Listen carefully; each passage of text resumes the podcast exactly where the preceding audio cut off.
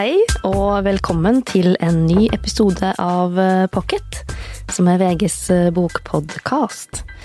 Men i dag så er vi litt mer, syns jeg, fordi vi skal snakke om samliv, ekteskap, oppbrudd og skilsmisse. Det skal dreie seg om de aller største følelsene, om elsking og avelsking. Og med i studio så har vi besøk av to personer som på hver sin kant eh, har skrevet om dette. Det er forlegger og forfatter Geir Gulliksen med romanen 'Historie om et ekteskap'. eh, Som av mange nevnt som en av de beste bøkene i 2015.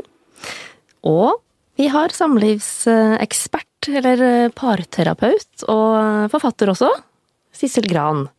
eh, Som nå i begynnelsen av mars kommer med selvhjelpsboka 'Det er slutt'. Det er ikke selvhjelp, det skal jeg bare si det. Jeg trodde, jeg trodde det var en bok om hvordan man gjør det slutt. Ja. Og med det så sier vi hei og velkommen! Ikke selvhjelpsbok, men det er en fagbok.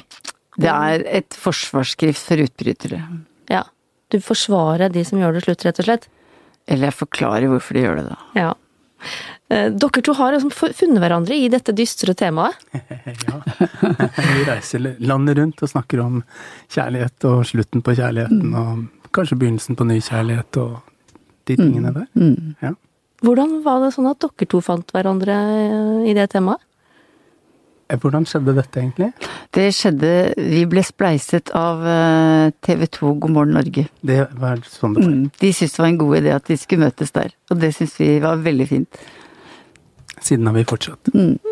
Ja, um, det, sånn som jeg har forstått det, da, så uh, leste du, Sissel, boka til Geir, 'Historie om et ekteskap', midt i innspurten uh, av din egen bok mm. 'Det er slutt'. Uh, hva, I høst, altså. Hva, hva var det som gjorde at den traff deg midt oppi dette? Jo, for den det, det jeg skriver i slutten av den boka eh, som heter 'Det er slutt', det er om hvordan vi gjør opp regnskap. Altså øh, når et forhold eller et ekteskap eller parforhold, parforhold er over, så, så mm, er det jo ikke sånn at det bare forsvinner i tynn luft. Eh, Vi gjør ofte opp et regnskap enten alene eller med en ny kjæreste eller sammen med andre. Og så øh, driver vi også med det som, øh, som vi kan kalle for gravpynting, altså etterpå. Mm. Som handler om å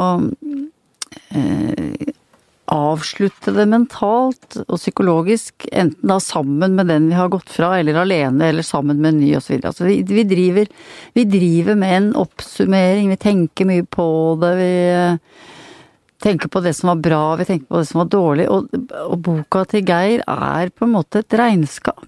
Altså den hele boka, det er en ganske sår, men veldig vakker gravpynting over et veldig fint forhold, da, som eh, Som eh, av underlige årsaker ikke stykker. Mm. Så det, jeg tenkte dette er jo en eh, Det er jo en gravskrift, hele den boka. Så det, jeg måtte bare ha med litt om det. Mm. Hva tenker du når du hører Sissel, fagpersonen, si, si disse tingene om boka di? Ja, nei eh, Det er, det er alt eh, Sissel kan jo sine ting, så det er alltid gøy å høre henne snakke. Også, også min bok. Men men, sier jeg, og eh, burde si ja. Det, det, det er litt vanskelig å tenke på den metaforen. sånn Gravpynting er litt rar, men, men, men det ser også at den er helt presis. Eh, og det som var utgangspunktet mitt, var jo liksom det der at når, to, når et forhold er slutt, så, så er man ikke lenger den samme som man var mens man var i forholdet. Og, og det kan være vanskelig å kjenne igjen den man var. Og det kan være vanskelig å, å finne ut uh, liksom Man snakker ikke sammen lenger. Sånn at jeg ville skrive en roman om, om etterpå. Om hvordan det ser ut etterpå.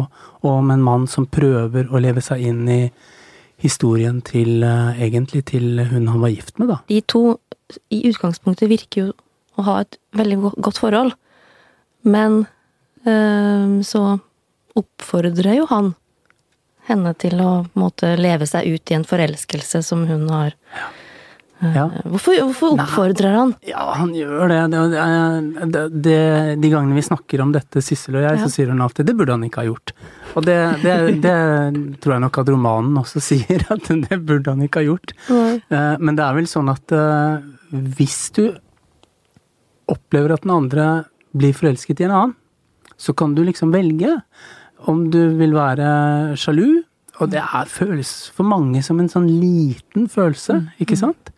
Eh, sånn, det er litt ynkelig, på en måte. Eller om du vil gjøre det motsatte, som han gjør, da. Eh, som er å liksom være sjenerøs og si at eh, ja, men det skal vi vel klare. Det går vel bra. Eh, og så går det ikke så veldig bra, og så går han på en måte kanskje bare lenger og lenger for å, for å lage et rom rundt eh, henne og seg selv og forholdet. Han tenker at det kan redde forholdet litt, nesten. Jeg tror det er det han tenker. Ja, ja. Men er det en sånn forsvarsmekanisme for eh, han eh, mannen at Ja, det tror jeg det er. bare de fleste av oss går jo den andre veien. Mm. De fleste av oss blir jo litt sinna eller, eller, eller ja, sånn litt sånn sur og sjalu eller Og det er ikke så bra, det heller. Eh, men, men dette er jo sjalusi. er ikke redde vi blir da, egentlig? Jo, Jo, kjemperedde. og så kommer det jo ut som sjalusi, for det handler jo om frykten for å miste, da. Og Mm. For at den andre skal forlate deg, og at du skal bli eh, ditchet på en måte. Og, det, og frykt kommer jo ofte ut som enten da som surhet eller overtilpasset øh. Eller altså en raushet som ikke er ekte, da. Ja. Fordi du er så redd for å bli forlatt at du kan komme til å godta nesten hva som helst. Og det er vel kanskje litt det som skjer med Jon i din roman nå, at han blir veldig Han forstrekker seg, da. eh, For å beholde Timmy. Og så har han jo også denne tanken da som, som eh, er interessant, at han tenker at vårt forhold er så sterkt, og vår kjærlighet er så ekte, at vi skal da kunne tåle dette, du og jeg.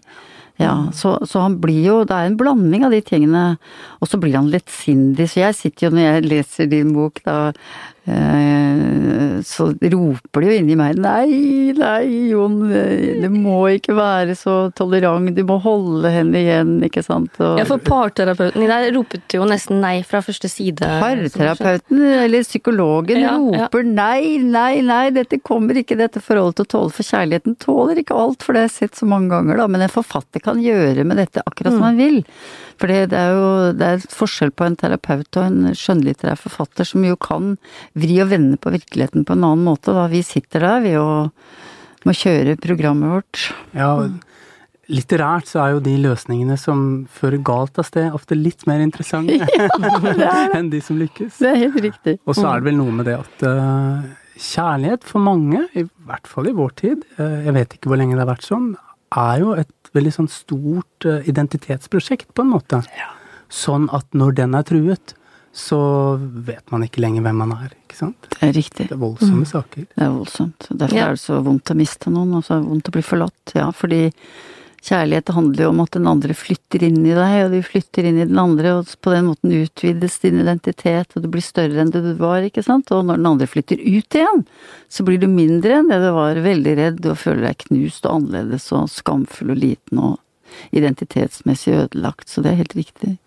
Derfor er kjærlighet skummelt, altså.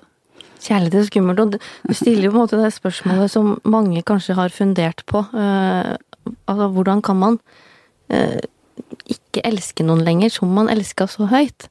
Ja. Det er som et mysterium, nesten, det her. ja, men det er jo det. Ja. Det, det første mysteriet er jo hvordan er det mulig å elske noen så sterkt som man plutselig Mm. kan oppleve at man gjør. Og så er et litt senere mysterium dessverre ofte, da, at uh, hvordan kunne dette liksom bare gå over? Mm. Det Du tror jeg kaller ikke det- Sissel har svar på engang. Nei, altså, men du skriver jo om dette i den nye boka Det er slutt. Eh, Du snakker om avelsking. Ja. Det handler jo nettopp om dette mysteriet, da. ja, det gjør det. Eh, Hvordan kan vi slutte å elske noen, da? Hvordan det foregår, ja. For eh, det er jo et rart ord, da. Det er vi har jo ikke noe godt ord for det egentlig. Disaffection heter det jo på engelsk, da. Det, er mye Jeg likte det ordet. Ja da, avelsking er ganske godt ord, egentlig, funnet på, ja. Men um, det er jo, man har jo sett på hva det som skjer i den prosessen, da, psykologisk.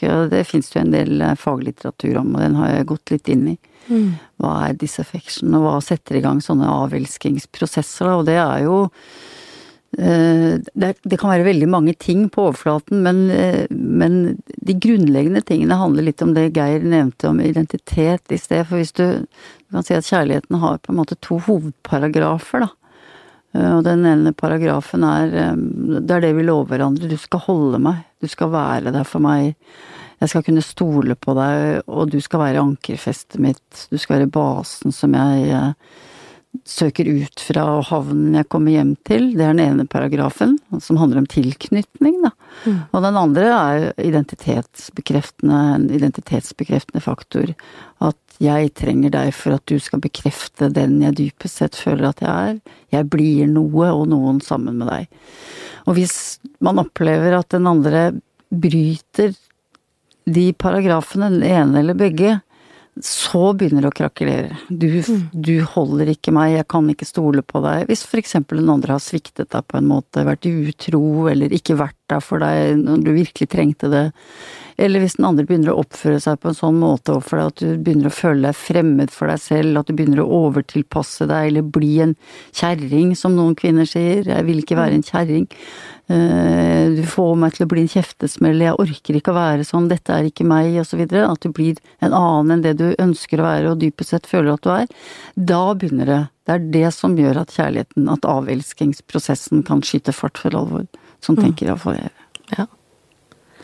Og det er vel kanskje ikke sånn veldig mange gode råd for å unngå å avelske hverandre, heller? Det er masse man kan gjøre for å unngå det der. Ja. Altså, det det er jo der det topp slurves. tre råd? Topp tre råd, ja. Ja, det ene er at du skal holde de paragrafene litt hellig, da. At Mm.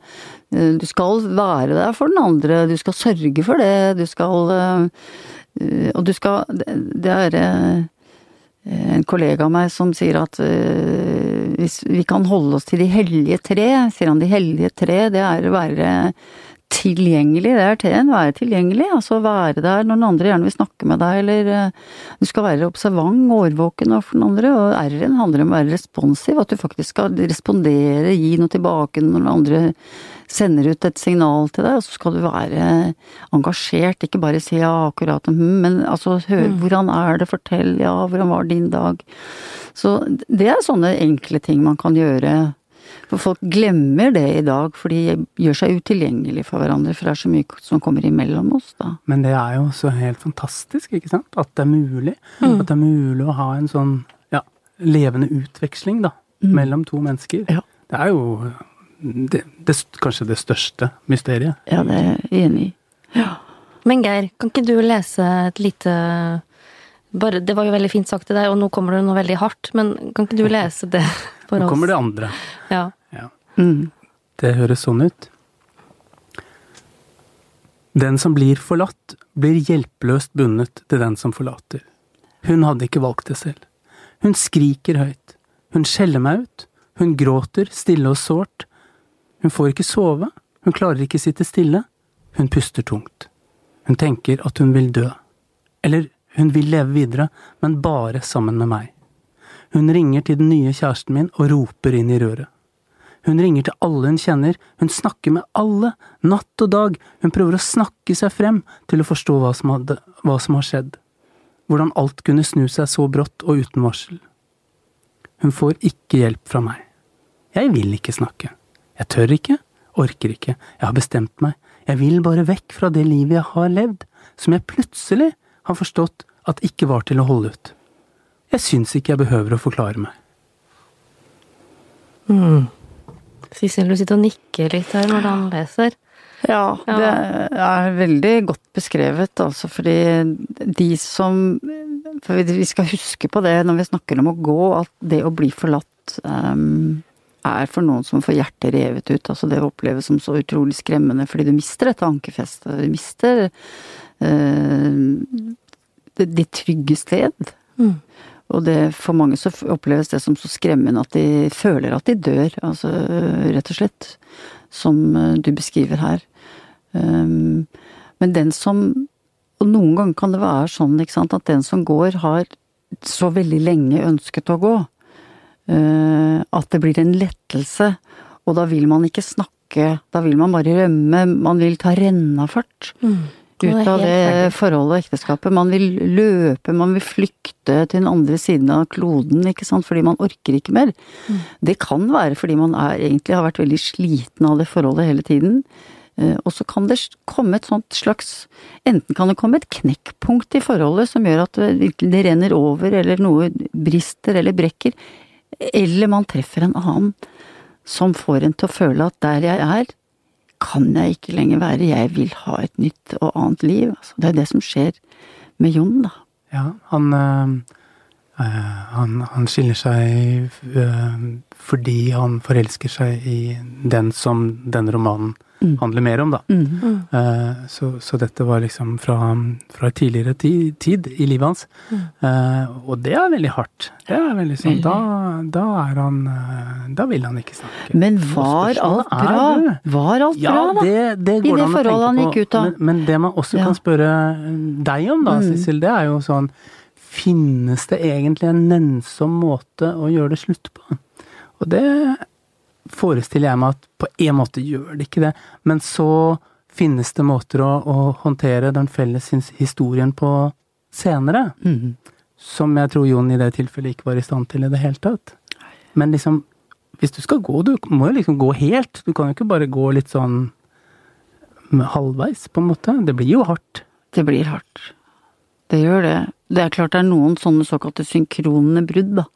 Hvor de har slitt seg helt ut på hverandre og til slutt kan si at uh, nå orker vi ikke mer, altså. Mm. Og det er klart at eh, det er best. Det er den beste løsningen. Hvis begge er slitne. Hvis begge sier nå har vi prøvd, nå har vi prøvd alt.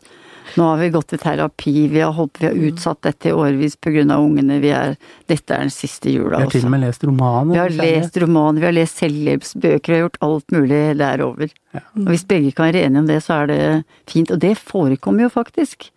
At det finnes synkrone brudd, for det er de veldig asynkrone bruddene som skaper denne voldsomme smerten da, hos den som blir forlatt. Der hvor det bruddet kommer, liksom blir kastet i ansiktet på den som blir forlatt. Det er da det blir veldig vanskelig. Det er det som kalles lykkelige eh, skilsmisser, kanskje, første, da. den første der, ja. Ja. Altså det syn Og synkrone bruddet, ja. Og ja. da er det kanskje lettere også å gjøre det lettere for de som ikke har noe med skilsmissen å gjøre, nemlig barna. Mm. Og som jo blir Ja.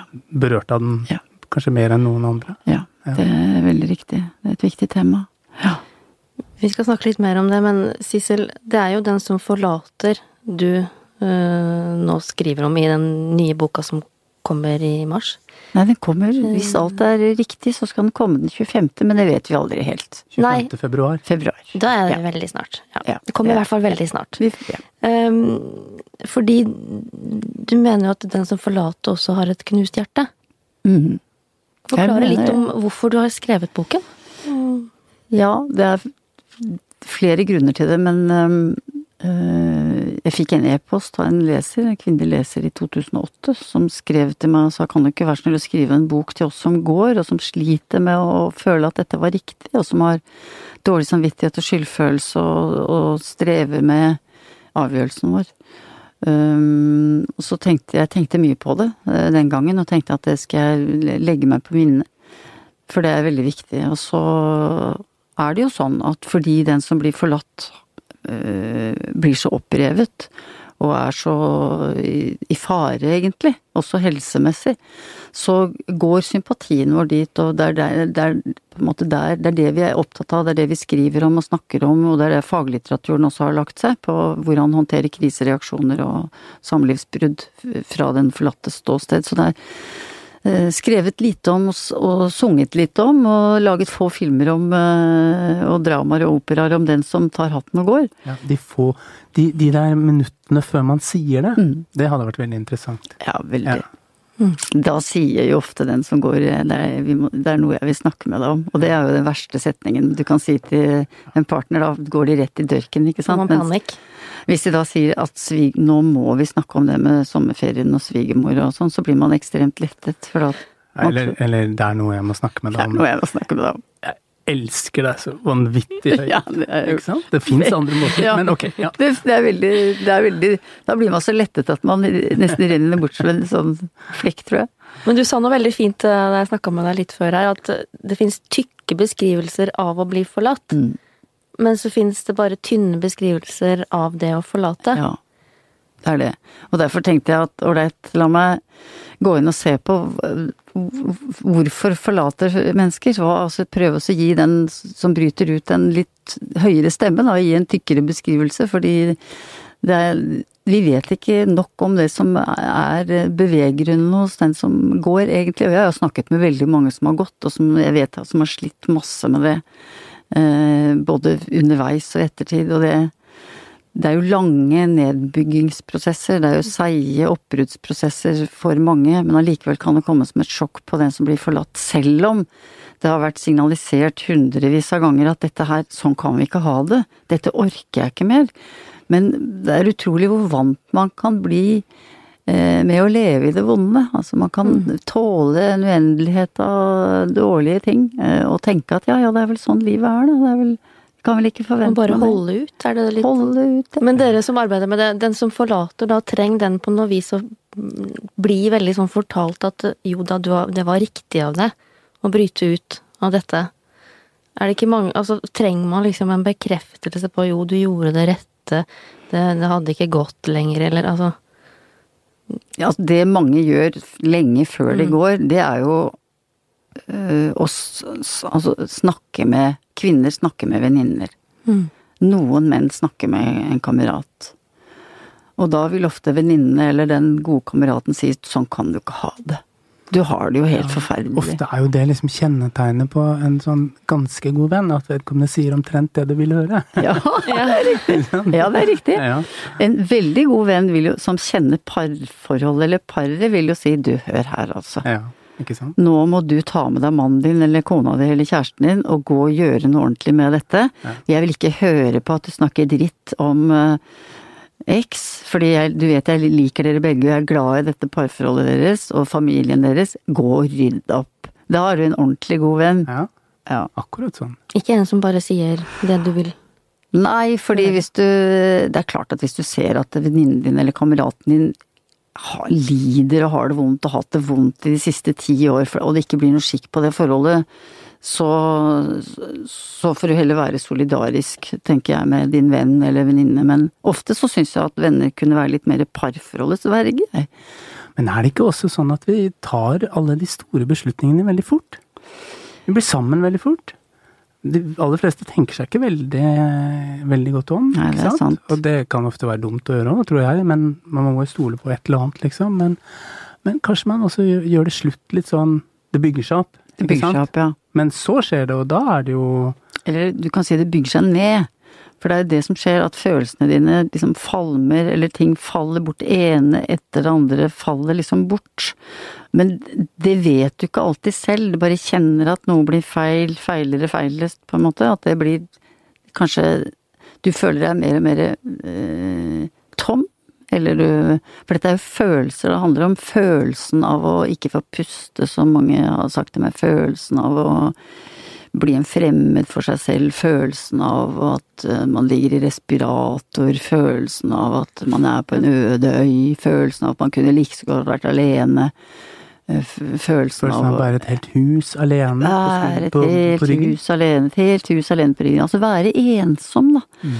Og det er ofte en sånn følelse som tiltar og tiltar og tiltar, og det er jo det som er nedbyggingsprosessen, da. Sånn at, men, men bruddet skjer jo brått. Selv om dette er litt sånn materialtretthet, ikke sant. Det, plutselig sier det brak. Ja, og da er det det at eh, for at det ikke skal skje brått for en selv, så må man jo ha kontakt med følelsene, som vi pleier å si. Mm. Ikke sant? Så ja. hvordan får man det?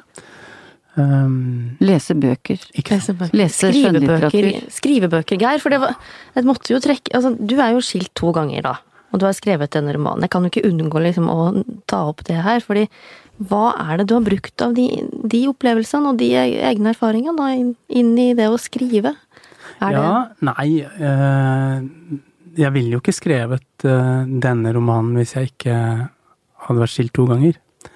Um, og så går det an å si at jeg er gift tre ganger. Det ja, ja, høres hyggeligere ut, og det er det jo òg, ikke sant? Ja, uh, og da Nei, jeg, jeg, jeg, pleier å si at jeg har opplevd alt jeg skriver om. Og det er jo ikke sant, men jeg har jo opplevd det følelsesmessig, for det å skrive når man skriver en roman, er jo veldig sånn at uh, du får det ikke til hvis ikke det på en eller annen måte er følelsesmessig sant i det øyeblikket du skriver. Mm. Um, og så, for å svare ordentlig på spørsmålet ditt, så er det liksom sånn at uh, jeg tror at mange som kjenner meg litt, uh, nok tenker at uh, denne romanen ligner på mye som har skjedd i mitt liv. Mm. Og de som kjenner meg godt, vet at uh, den helt. egentlig ikke ligner. Nei. Nesten ikke i det hele tatt. Og det, men, men, men man må bruke sine egne erfaringer og sine egne følelser. Det er ikke noen annen måte å skrive på, på en måte. Uh, men jeg, jeg tror nok det at um, uh, Det er veldig frigjørende å skrive en roman. Fordi da kan du gå så langt du vil. Eh, For eksempel i, i retning av å skrive om veldig vanskelige ting med stor ømhet. Og det er det jeg har prøvd å gjøre. Mm. Og, og, og det vet jeg ikke om jeg hadde klart like bra hvis jeg skulle skrive sånn direkte om mitt eget liv. For da begynner man å tenke at ja, men jeg må forsvare meg litt òg. Mm. Men, men, i en roman har man muligheten til å liksom ikke, ikke forsvare noe annet enn alle man skriver om. Mm. Men likevel så er det jo noe i det at jeg tenker at det må erfaring til for å klare å skrive dette. Uh, altså, du må ha blitt forlatt, du må ha forlatt noen. Ja, Uh, må det. ja. Du må jo ha levd Ja. for å kunne Ja. skrive dette, Geir. Det har jeg! Men noe av det vanskeligste, jeg tror vi snakka så vidt om det før vi gikk i, i studio, altså det, det snakkes, Du sa at det snak, snakkes litt for lite om det å forlate barna sine. Ja. Jeg syns det gjør det. Ja. Og, det. og da mener jeg ikke bare det der med at eh, man som forelder skal få dårlig samvittighet og tenke seg om enda en gang før, før man skiller seg eller, eller sånn, men, men det er, jeg tror det er litt sånn tabu for eh, voksne folk som har skilt seg, å snakke om hvor vanskelig det er å plutselig ha barn ja, La oss si at du har barn halve tiden, da. Mm. Det er jo mange som ikke har det engang. Eh, og det tror jeg mange for det første ikke er forberedt på. Hvordan er det? Du lever med de kanskje viktigste menneskene i livet ditt, og så plutselig skal du ikke se dem hver dag lenger. Og du skal liksom på fast basis ikke, ikke se dem hver dag. Kanskje se dem annenhver uke. Det er vanskelig. Det er vanskelig for, for ungene, eh, men det er også veldig vanskelig for foreldrene. Og det er en litt sånn stum erfaring, syns jeg, Mm. som, som vi ikke snakker så mye om. Nei. Og i den boka her så er det bare et lite bakteppe langt i det fjerne litt, egentlig. Ja, i, I den romanen så, så er Det er jo en roman først og fremst om paret. Mm. Og noe av det som skjer når man kommer inn i en sånn krise, Mm. er jo at uansett hva du vil, og hva du prøver å få til, og, og hva du kanskje sier òg, så, så blir alt annet, og ikke minst ungene, litt i utkanten. Um, det, når, når, når paret liksom får det vanskelig, så er det, er det paret det handler om. på en Mm. måte. Det er nok veldig sant. Fordi når du ser altså et par som Et par som går i stykker, da. Da vil jo altså Jeg vil jo si det så sterkt at det, det, det, handler om dødsangst noen ganger. Og Ja. for den som blir forlatt, så handler det jo om dødsangst f- i forhold til det å bli, bli forlatt og ensom. Ja. Og den som går, øh, føler at han eller hun dør hvis han eller hun ikke går. Altså, Ja, ikke og i det, i det kraftfeltet der er det vanskelig å, å ha oppmerksomheten mot barna. Og deres smerte og deres frykt, fordi de voksne er så redde selv. Og mm, de voksne overtaler jo barna veldig, og dette kommer til å gå kjempebra, og dere kommer ikke til å merke noen forskjell, og Mm. det er bare pappa og mamma klarer ikke å være kjæreste lenger, skjønner dere, så som om ungene Ja, brydde du kommer til å få to rom, Ja, og det får- alskens idiotiske måter å prøve å gjøre det fint på. Ja, ja, alt sånt. ja. Det kommer til å gå så bra. To biler. To, Alt. Og de ungene blir jo er jo ikke interessert i det, Nei. for de er jo interessert i å ha ett hjem og et par foreldre som bor sammen, og dette har vi nesten ikke noe språk for. Nei. Fordi eh, veldig mange foreldre og voksne opplever jo det som et angrep på dem, og angrep på retten til å gå, og retten til skilsmisse, som vi har kjempet oss til gjennom hundrevis av år, altså. Ja, og det, vi, Ja. trenger, vi trenger jo den retten, ikke Vi sant? trenger den retten. Men det er veldig vanskelig å, å være i stand til å ta inn over seg hva som da på en måte går i stykker. Ja. Ikke sant? Men burde man tenke mer på barna der, da? Altså, ja, ja, definitivt. Men, men det, å tenke på barna er jo ikke bare å si nei, men da kan vi ikke gjøre det. Men det kan være det òg, ikke sant? Men, men, eh, men det er noe med hva man gjør etterpå. Hvordan skal vi leve? Hvordan skal vi bo? Eh, Hva slags eh, liksom, tilværelse er vi i stand til å lage for barna? Og det det er utrolig vanskelig for folk som er i sånne kriser som, som de som blir gått fra eller går fra, er, da. Mm, Den frykten overskygger alt. Det er jo hjemløshet som preger mange av de barna som er i etterdønningen etter skilsmisser når foreldrene har gått fra hverandre fordi de ikke riktig For vi skal huske på det at for barna så er det også sånn at eh, det skjer noe med deres selvopplevelse. Det skjer noe med deres identitetsfølelse også når familien går i stykker, som noen sier. Ja, at det kan krakelere ganske voldsomt i dem også. Øh, Men de er hensynsfulle ofte, barna, og sånn at de vil ikke at mammaen og pappaen deres skal ha vanskeligheter, så de, de, de pynter på det så godt de kan. Men de, mange barn strever mer enn det vi greier å se. Ja. Ekteparet i Historie om et ekteskap, de starter jo forholdet sitt begge to med å, altså, med å forlate noen. Ja. Um, kanskje verst for Jon, eller mannen, som, som jo da har sett mm, Han blir skilt, og han har et lite barn fra før. ja. Han opplever vel på en, på en måte at han liksom skiller seg fra barnet sitt. Ja. Fortsetter jo å ha barn, men, men eh, alt forandres, ikke sant? ja. Um, og så får jeg en liksom følelse litt gjennom romanen at altså, er det nye forholdet, da, dette ekteskapet med Timmy, er det dømt allerede fra starten av? Jeg tror at øh, han som heter Jon, har en slags Han er veldig redd for det. Mm. Fordi det, prisen har vært ganske høy for han, på en måte. Mm. Som den jo er, det syns jeg man skal si om og om igjen, ja, når man skiller seg med barn, at prisen er høy Mm. for barn og voksne. Uh, ja, så kan man si eh, noen ganger må det til, da, ikke sant. Men, men eh, nå er vi et annet sted. Ja. Eh, og da, da tror jeg at eh, blant annet derfor så har han en sånn voldsom frykt for at liksom dette må ikke gå i stykker, og dette må være veldig bra. Mm. Uh, og det å tenke at dette må være veldig bra, det er også en veldig fin ting når man går inn i et forhold. Eh, og dette skal være veldig bra. Egentlig så går det antagelig ikke hvis man ikke tenker det, ikke sant? Eh, men, men for han så tror jeg den, den der sterke viljen også bygger på en ganske sånn sterk redsel, da. Sterk frykt for at det skal Det, det kan ta slutt.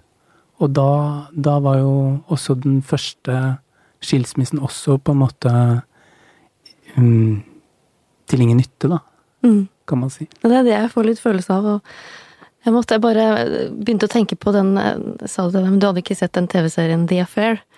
Som Nei, er på ennå. HBO. Men nå er det så mange som har bedt meg om å gjøre det, så det kommer til å skje.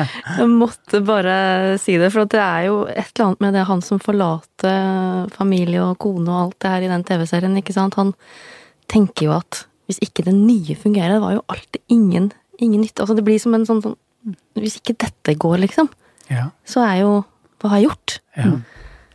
Mm, Da er alt ødelagt. det er alt ødelagt. Mm. Og så har man liksom ødelagt noen andre til ingen nytte. Eller, ja, jeg vet ikke. Det er jo Hva tenker dere om det? Det er mange som tenker sånn, og det er nok noen som opplever det òg. Det er jo noen, det er noen av de forholdene som oppstår i sånn i bruddpunktet, eller som er sånn overlappende forhold. øh, Du seiler ut på en planke med en annen, og det er ofte et overgangsobjekt, for å bruke det ordet. Det er ofte en person du ikke kommer til å etablere deg med. Det er veldig fantastisk å få drahjelp ut av noe du kanskje ikke vil være i lenger, men det betyr ikke at det er at du er i havn igjen. Det betyr, og det ser vi ofte, at det, de forholdene der ikke alltid varer. Kanskje oftest ikke varer. Ja, og, det, og de som opplever det, får jo antagelig nesten alltid høre det òg, ikke sant? Hva var det jeg eh, sa? Dette, ja, Nei. det kommer ikke til å vare, og Ja. tenk deg om og tenk deg om, og det er veldig vanskelig å tenke seg om. Det er jo det alle som har blitt forelsket, Da enten det passer eller ikke passer. Men vi tenker ikke da. Det er veldig vanskelig. Ja. Ja. Hjernen din er jo Men finnes overskyllet. det en perfekt måte å gå inn i et forhold på, Ja, da Sissel? går vi til det arrangerte ekteskapet, selvfølgelig. Og ta, tar skrittet inn der. Men jeg syns det er litt viktig å si det akkurat nå, Sissel. Altså, i, i, I forbindelse med research og at du intervjua masse par eller personer som har forlatt i bok, til boka di 'Det er slutt'. Mm. De fleste fikk da et bedre liv etterpå. Ja, for det venter et bedre liv for de fleste etter et brudd, også for de forlatte. Mm. For det viser jo veldig interessant skilsmisseforskning, at også de som ikke ønsket at forholdet skulle gå i stykker, 90% av de får det bedre etter hvert som tiden går. Noen blir, får det mye bedre, eh, og noen blir såkalte kompetente enslige. De får det kjempebra som enslige, og utvider sitt selv på alle andre måter enn å finne en ny partner. Og noen får eh, gode eh, nye forhold, og andre blir såkalte sånne Altså de blir eh, Hva skal vi si De, de kalles altså de som får en forhøyet livskvalitet og får et helt annerledes og mye bedre liv etterpå. Mm. også altså selv om de da var den som ble, ble forlatt. Og det samme skjer med de som går. Altså de, og alle de jeg har snakket med, som jeg har intervjuet, syns de har fått et på sikt et mye bedre liv, og mange av dem har fått et godt samarbeidsforhold med, med den partneren de gikk fra. Det er jo en utrolig trøst, ikke sant? Ja. Det du sier der. Men skal man ha prøvd alt med store bokstaver før man velger å gå fra hverandre? før man velger å gå fra hverandre, tenker jeg. Ja, sånn ja. Før Ja. man velger å gå fra hverandre, ja da syns jeg man skal prøve alt mulig. Da syns jeg man skal si til hverandre at nå, nå rir vi jernet, og nå prøver vi alt, og vi gjør det ordentlig. Vi later ikke bare som, og, så, og da kan noen faktisk være så heldige at de kommer til en sånn eh, veldig flink eh, parterapeut som, eh, som kan snu litt opp ned på det sammen med dem. Ja, for hvis du kommer litt tidlig i parterapi, da, Ja. hvor enkelt er det da å redde dette forholdet, Sissel? Ja, altså Vi har noe som heter familievern i Norge, og det er altså en gratis tjeneste for par. Og hvis par har barn og melder seg der, så får de time, og så får de hjelp gratis. Det er, noe, det er altså en luksus som man burde unne seg. Selvfølgelig litt ventetid, for det er mange som stormer til der nå, men, men det er eh, det er gull. Men hvor, hvordan er det med denne skilsmissestatistikken? Er det noe sånn som 44-45% Hva var det, Sissel? Det går jo ned nå, da. Den går nedover, ja. Ja, de siste sånn syv-åtte årene så er det blitt færre som skiller seg. Mhm. Eh, og mm, det er jo eh, hvis, du, hvis du tar utgangspunkt i én kohort, da, altså en Hvis du ser på alle som giftet seg i ett bestemt år, da, så, er ikke, så har ikke 50% av de skilt seg. Altså, men eh, hvis du ser på alle som giftet seg i 1989, da, så tror jeg ikke mer enn ikke 30% engang av de har skilt seg, den kohorten der, hvis ikke jeg tar helt feil. Sånn at det er når vi legger sammen alle som eh, Mm. i dag som giftet seg én gang, så det er da vi kommer opp i disse noen og 40 prosentene som virker så skumle. Ja. Men det er jo da også folk sier veldig sånn der at når, man hører om de høye tallene, så sier man ja, men folk i dag gir så lett opp. Ja, det er det som Er det sånn? Det er vel ikke sånn etter den praten vi har hatt i dag? Nei, de gjør ikke det. Det er seige prosesser. Det er, mm. det er klart hvis det har vært et veldig kortvarig forhold, så kan folk også avslutte det veldig fort. Men der hvor det har funnet sted en grunnleggende tilknytning mellom to mennesker, som har, og som har vart en stund, og hvor du har vært mitt trygge sted lenge, så koster det masse å kaste loss og, og gi opp den havnen, for det er så smertefullt å gjøre også for den som da ikke orker mer eller har lyst til å gå, fordi det er vondt å forlate. Fordi vårt eget tilknytningssystem, da, som egentlig er en del av oss, protesterer mot bruddet fordi det kjennes farlig å gå ut i det ukjente. Farlig å bryte med den du, den du har vært knyttet til så lenge. Det skal gjøre vondt å gå, Mm. for du skal tenke deg veldig nøye om. Det er vanskelig. Mm. Geir, um, vi skal snart avslutte den praten som sikkert kunne ha vart i flere dager, jeg vet ikke. Uh, men jeg vil at du skal lese litt fra boka igjen. Eh, et, noe som jeg syns var veldig fint, og som kanskje kan være noe alle må huske på litt. Historie om et ekteskap, altså. Et sånt møte, kort og helt åpent. Det skjer overalt, hele tiden. Alle møter noen de kunne ha forelsket seg. Overalt. Helt uventet ser du inn i ansiktet på en som ser oppriktig og søkende tilbake på deg. En som har noe du gjerne vil ha. Humør, trygghet, lekenhet. Det passer nesten aldri. Du er allerede sammen med noen. Han eller, eller hun er også sammen med noen. Og dere går videre. De aller fleste av disse korte møtene blir glemt, fordi de ikke leder til noe. Du møter en du kunne ha giftet deg med når du går på bussen. Blikkene berører hverandre lett, men dere ses aldri igjen. Du møter en annen du også kunne ha levd ganske lykkelig med når du er på vei ut av bussen. En av dere smiler prøvende, den andre smiler tilbake, men for sent. Overalt fins mennesker som kunne funnet hverandre, og som ikke gjør det. Nå leste jeg én setning mer enn du egentlig ba om, altså. Ja, det, det passa bedre. Eh, Det er jo livets mysterium vi snakker om hele tida. Nei, men det er jo altså, Er det sånn, Sissel, at vi alle kan velge å ikke gjøre noe? Ja, altså det som, dette er veldig godt beskrevet, altså fordi hvis du er en som kaster deg etter alle livets uh, muligheter, så går du helt galt. Altså hvis du ikke har noe disiplin. Så, for det handler jo om det at du må holde igjen. Du må holde igjen noen ganger, altså. Og, øh, ellers så ville jo denne tilværelsen og verden vært fullstendig kaotisk. Ja, og du trenger jo heller ikke å liksom se etter eller kjenne etter alt som kunne ha skjedd. Alle Det er veldig hyggelig, er ikke sant? De der, de der blikkene som, som man utveksler og, og sånn. Det kan også være hyggelig av helt andre grunner, ikke sant. Man kan utveksle blikk med folk som man vet at man aldri ville vært kjæreste med. Men, men du trenger ikke å søke etter det, er det ikke noe med det, da? Mm.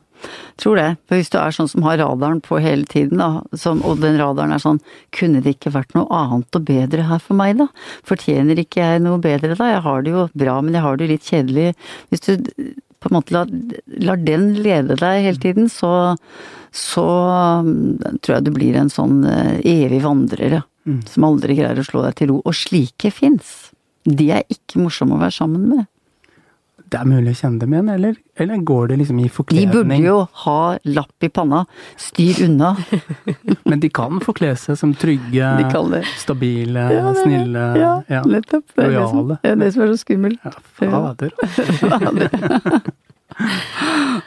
Og- Ja, men det er da Nå er jo du i det tredje Er er det ekteskap nå, eller er det et Ja, det er Ja. eh, et ordentlig ekteskap, Ja. og, og det bra Og nå er tenker jo veldig du bra. at det skal vare livet ut. Ja, eh, det gjør jeg virkelig. Det, men, men det er klart at eh, man går vel aldri inn i et ekteskap og tenker at dette er vel Vi får se, kanskje det går bra. Men jeg tror jo definitivt at jeg har lært ganske mye. Mm. Igjen, altså. Jeg syns det er helt fantastisk å være voksen Mm. og har lært en del. Det hjelper veldig. Det er ikke noen vandrer du nå.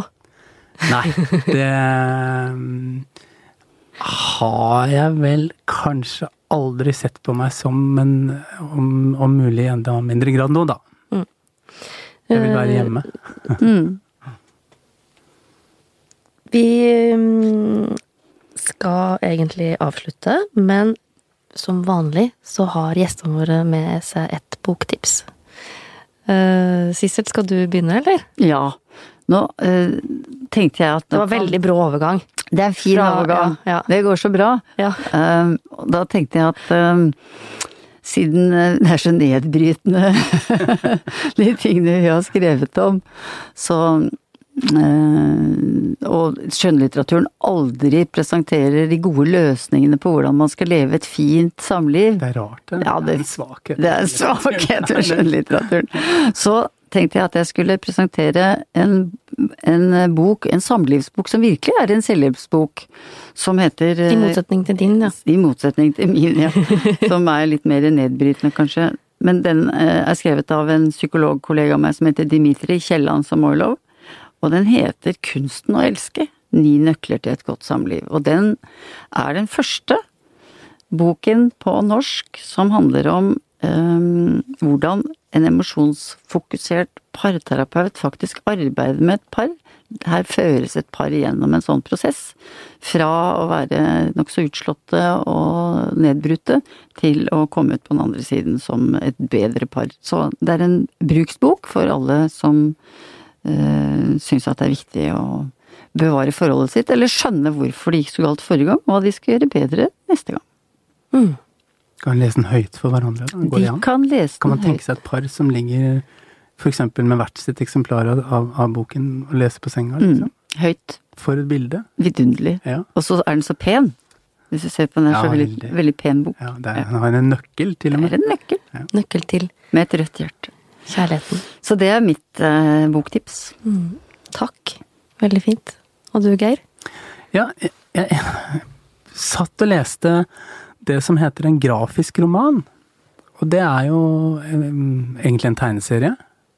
Nå Liksom tenkte jeg først noe helt annet, ja. Ja, ja, du tenkte at den var veldig seksuell? Ja. Ja, nei, ja, det, det, er det. også en betydning av det ordet. Ja. Men eh, nei, dette er altså den, den er tegnet. Det er en tegneserie, og den Mm. er lang som en roman. Og den heter Min fars dagbok, og er tegnet og skrevet av en som heter Jiro Taniguchi. Den er, han er japansk. Japansk. Ja. Og det er en fortelling om eh, Egentlig er det en fortelling om oppvekst på 50-60-tallet. En gutt som opplever at uh, moren og faren går fra hverandre på den måten at moren reiser. Og, og blir liksom borte. Og først som voksen, og først etter at faren eh, er død, så klarer han å forstå hva det der handlet om. Og det handler jo da om et par som som eh, De valgte hverandre mot foreldrenes vilje. De giftet seg av kjærlighet. Det var fantastisk. Det, det skulle være de to. Og så blir alt feil. Mm. Og så har de to små barn, og så blir det helt feil, og så, og så reiser hun. Og det er jo sånne ting som, som det blir sterke historier av, som man kanskje ikke finner ut av før seint i livet. Og det eh, Jeg burde være forsiktig med dette, fordi jeg men, men for meg så ser det ut som om det er forfatterens egen historie. Mm. Og det Når jeg tenker meg om, så tror jeg nesten at Ikke alltid, men veldig ofte så tenker jeg det om de bøkene jeg liker. Så vet jeg også at eh, jeg ofte tar litt feil. Men det føles som om alt er sant, og det er jo en Det er vel litt sånn folk sier til deg. Ja, de Mm. gjør det. Mm. Ja, da sier jeg bare ja. Eh, Veldig bra. Um, Da skal vi si tusen takk til Sissel Gran og Geir Gulliksen. Og til produsenten eh, Magne Antonsen. Um, og så høres vi igjen i mars.